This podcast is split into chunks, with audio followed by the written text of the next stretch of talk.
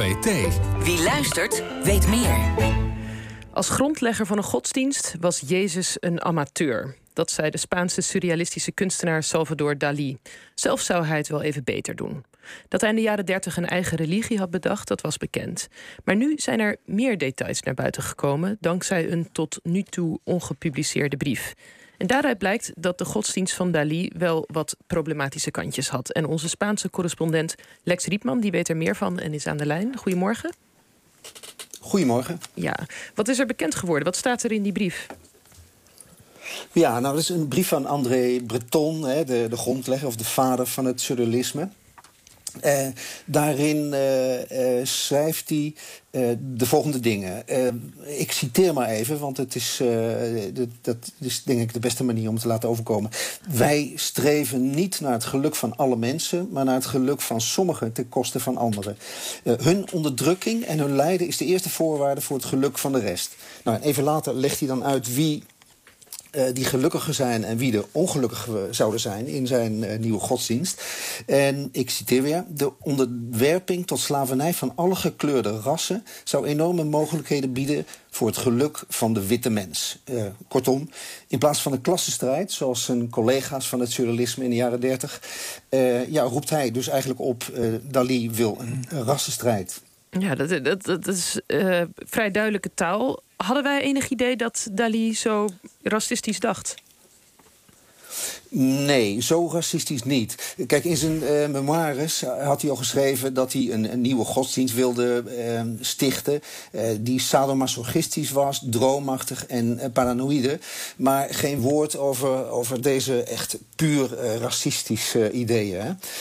Um, dus ja, dat is. Dat is ehm, moeten we, moeten compleet. We Moeten we veronderstellen dat hij dat bewust verzwegen heeft in zijn memoires? Ja, ja, absoluut. absoluut. Want um, ja, zijn, zijn biografie heeft ook nogal wat opportunistische kantjes. Hè? Um, als hij begint als jong kunstenaar, dan verklaart hij zich communist, antimonarchist en anticlericaal.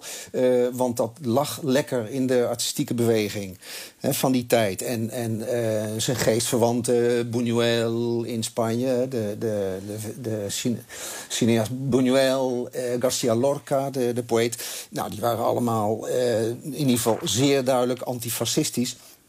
Kijk, in de jaren dertig uh, begint hij al uh, uitspraken te doen die, um, die Breton um, aan het denken zet. De Breton de, die, die, die zegt op een gegeven moment van... nou, je moet uitkijken, want uh, sommige van je ideeën... die lijken me toch iets te veel op sympathie voor Hitler.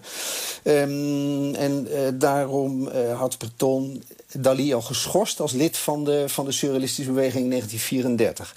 Uh, maar goed, uh, in zo'n beweging met veel uh, excentrieke mensen... en zeker Dali natuurlijk, pompeus, grootheidswaan... er kan natuurlijk ironie meespelen. Maar in de loop van de jaren is duidelijk geworden... dat het absoluut niet het geval was. Want, ja, en, wat, daar, ben ik, daar ja. ben ik wel benieuwd naar sowieso. Want je denkt, hij een religie, religie stichten ja, hoe serieus was dat? Wilde hij echt een schare volgelingen of was het meer een soort uh, surrealistische performance?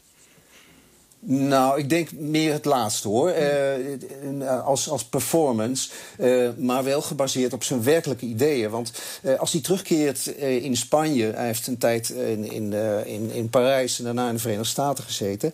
Um, ten tijde van, van de burgeroorlog spreekt hij zich niet uit. De Spaanse burgeroorlog niet uit voor of tegen Franco. Voor of tegen de Spaanse democratie. Maar als hij terugkomt in, in Spanje. Dan, um, nou, dan bekeert hij zich weer tot het katholiek Uh, hij spreekt openlijke steun uit voor het Franco-regime. En uh, nou ja, in, in, in die zin um, ja, kun je zeggen, het, het, het zijn vast zijn ideeën... maar hij is uh, opportunistisch genoeg geweest om die een tijdje te verzwijgen. Ja, en, en hoe is dit nu eigenlijk naar boven gekomen, deze cruciale brief? In het, uh, door onderzoek in het archief van uh, André Breton in, in Parijs is de, is de brief opgedoken. Dus, uh, ja, oké. En, en hoe denkt Spanje hierover? Over dat, valt, hij, valt hij door deze brief een beetje van zijn, of een beetje, of misschien erg veel van zijn voetstuk? Hoe wordt erop gereageerd? Ja, nou ja, weet je, eh, wat ik al zei, omdat, omdat hij zich al uh, in de jaren, eind jaren 60 al uh, heel duidelijk had uitgesproken tegen de democratie, voor het Franco-regime, ook voor de laatste executies uit de nadagen van het Franco-regime, waar heel Europa tegen het hoop liep, kwam Dali om die te verdedigen. En ja, dus echt een uitgesproken antidemocraat, dat, dat, dat was hij al. Dus voor veel mensen um, ja, is dit, gaat dit natuurlijk nog wel een heel stuk verder. Want uh, ja, zo duidelijk je uitspreken, uh, bijna, bijna als, uh, als volgeling van Hitler. Hè. Het zijn bijna Ubermensch-ideeën die hij in die brief exponeert. Ja, dat ja, is toch best pijnlijk, toch?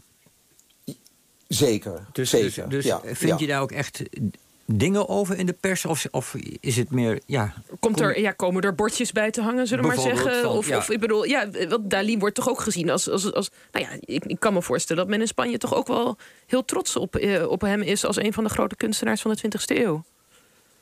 Ja, zeker. Nou ja, en je moet niet vergeten dat er uh, nog steeds een, een, hoop mensen in Spanje zijn die eigenlijk het Franco-regime uh, uh, op handen dragen. En dus ook totaal geen moeite hebben met, uh, met de standpunten van, van Dali ten opzichte van uh, de katholieke kerk natuurlijk al helemaal niet, maar ook niet zijn verdediging van het, uh, van het Franco-regime. dus eigenlijk, eigenlijk zie je in de, in de reacties weer de oude tweedeling terug in Spanje tussen democraten en antidemocraten. Goed, dank Lex Rietman voor je toelichting. En uh, wie benieuwd is naar de brief, hij is ergens online ook wel te vinden voor wie Spaans kan lezen.